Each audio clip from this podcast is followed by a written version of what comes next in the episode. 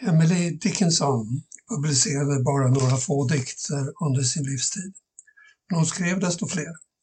När det äntligen blev en samlad utgåva, det skulle dröja till 1955, räknade man till 1780 dikter. Hon var uppenbart kluven till publishing och skrev rent av en dikt om saken som börjar så här.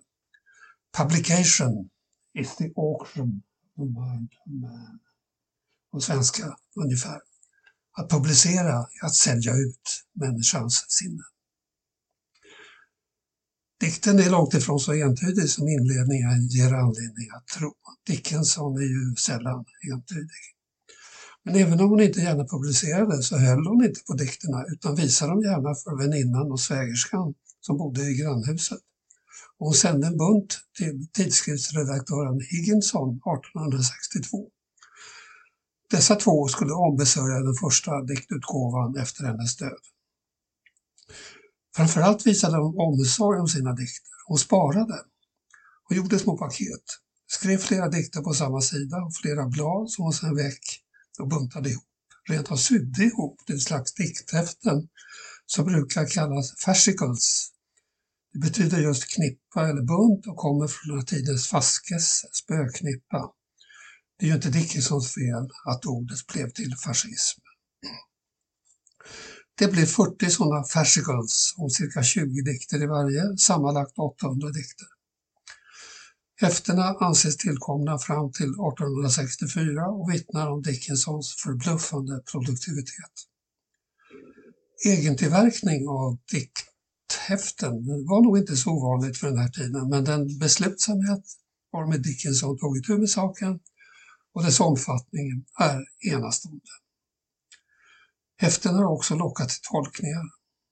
Ofta står två dikter parallellt på en sida. Ska man tänka sig att de kommenterar varandra. Att varje häfte bildar en tematisk enhet. Att häftena samspelar och tillsammans bildar ett poetiskt universum. Eller att urvalet är alldeles tillfälligt, att varje dikt måste bedömas för sig. Det finns förstås uttolkare som hittat samband och teman och som menar att det enda sättet att verkligen läsa Dickinson är att gå till handskrifterna och studera hur de olika dikterna förhåller sig till varandra. Nu eh, kan man också beskåda manuskripten elektroniskt i en Dickinson-sida på nätet. Situationen påminner lite grann om de manuskriptbuntar som Hölderlin lämnade efter sig. Där råder ett kaos som just lockar till tolkning.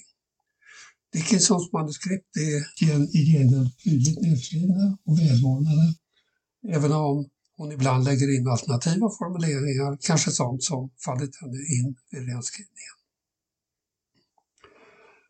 Dickinson är ganska flitigt översatt till svenska på senare tid av Ann-Marie Winde och Ann Jäderlund. Häromåret kunde man läsa det första försöket att återge en fascicle.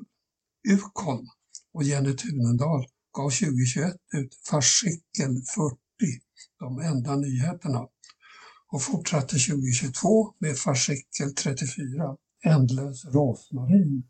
Och nu Fascikel 26, Vi leker inte på gravar. Förlaget Anti har bemödat sig om att ge intryck av Dickinsons häften. Formatet är ungefär detsamma och tråd i ryggen ska påminna om att hon sydde ihop sidorna. Dock får man bara plats med en dikt per sida så den här dialogen på en sida uteblir, om det nu ska vara en dialog.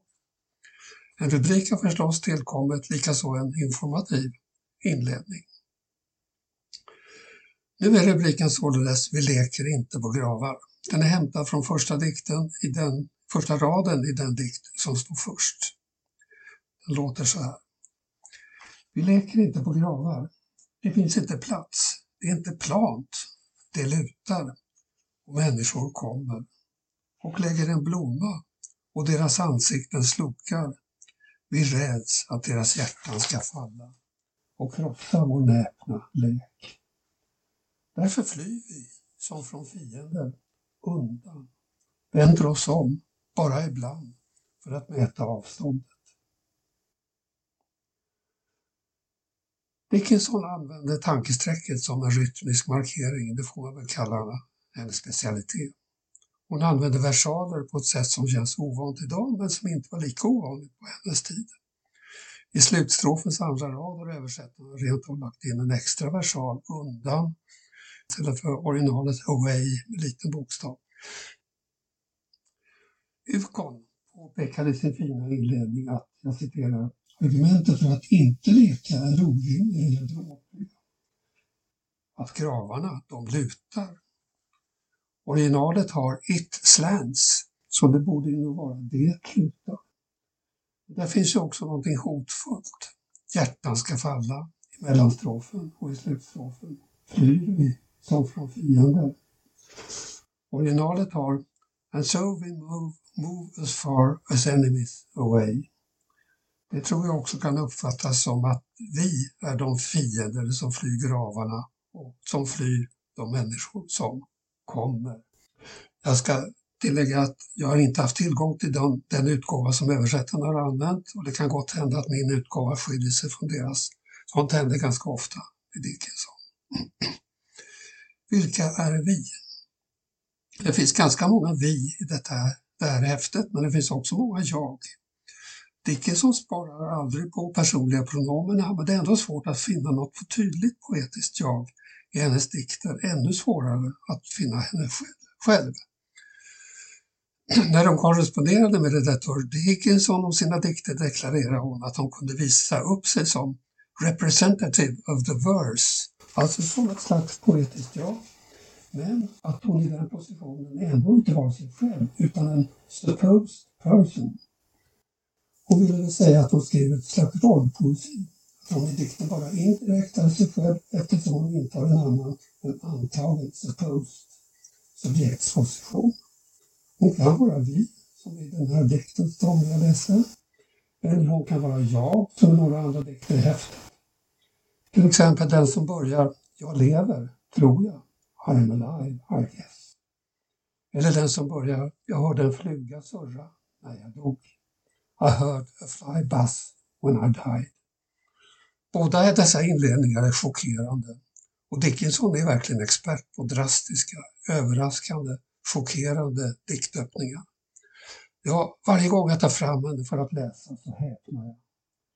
Det beror åtminstone delvis på att jag läser som jag är van att läsa modern dikt och tänker mig diktens jag som Emily. Om jag istället tänker mig att hon låter det poetiska jaget inta en position, en roll, så tar överraskningen en annan väg. Då häpnar jag istället över hennes poetiska uppfinningsrikedom. Det är mycket död i Dickinsons samlade produktion påfallande mycket död och många gravar i just det här häftet. Är det kanske ett genomgående tema?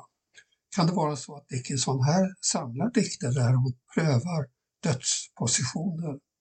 Eller där hon gör sig till det vi som den först citerade dikten leker på gravar för att förvandlas till de fiender som flyr gravplatsen men samtidigt vänder sig om för att mäta avståndet. Under häftets tid, då Dickinson hade sin flitigaste poetiska produktion, pågick det amerikanska inbördeskriget med enorma dödstal på båda sidor.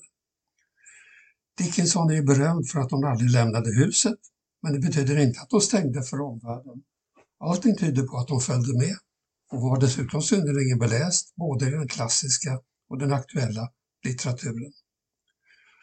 Det finns vad jag vet inga direkta anspelningar på inbördeskriget men så utmärker sig ju inte Dickinson för direkta påståenden, men desto fler indirekta. Kanske döden, graven, fienden är hennes sätt att bearbeta allt det som är sagt och skrivet hennes omvärld i denna fråga. Det här är förstås bara spekulation, precis som de flesta försöken att konstruera sammanhängande hållningar i Dickinsons poetiska universum. Ytterligare en spekulation. Den näst sista dikten i häftet börjar Hjärnan är vidare än himlen. Dikten innehåller varken ett jag eller ett vi, inte heller någon död, utan liknar istället ett metafysiskt statement om livets och poesins villkor. Det slutar så här. Hjärnan är lika tung som Gud, för väg dem gram för gram och de skiljer sig åt. Om de skiljer sig som stavelsen från ljud.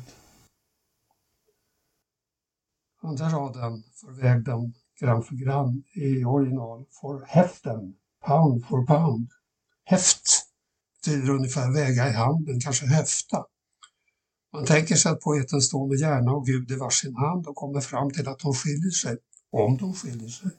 Av det artikulerade språket, alltså stavelsen, skiljer sig från alla de livstecken, till exempel andningens ljud som föregår språket. Båda är nödvändiga. Kanske är det poetens kritiska kommentar till något annat som var aktuellt i öst New England vid den här tiden. De väckelserörelser som inte tvekade om att Gud väger tyngre än hjärnan. Kanske det var hennes sätt att hävda den poetiska stavelsen.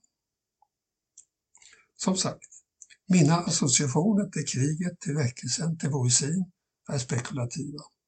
Det är så det går när man försöker hitta en identifierbar ordning i Dickens dikt.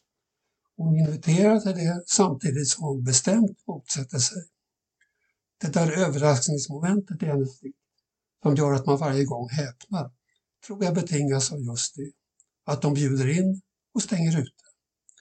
Att hennes poetiska jag kan likna Emily men ändå är en supposed person. Att hon inte vill hålla fast. Det kanske man kan kalla en motsägelse. I alla händelser gör det Dickinsons dikt lika lockande som provocerande. Fenomenet kan studeras överallt i hennes 1780 dikter, men allra bäst i dessa fasciklar. Där kan man ju vandra mellan dikterna, jämföra, förlora sig. Ukon och Jenny Tunedal har nu berikat oss med tre fasciklar, en om året. Jag hoppas att de fortsätter i samma takt. Då kan både översättarna och vi glädja oss åt ytterligare 37 år av outtömlig poesi. Den här recensionen är originalpublicerad på www.ornenochkrakan.se under ansvarigt utgivarskap.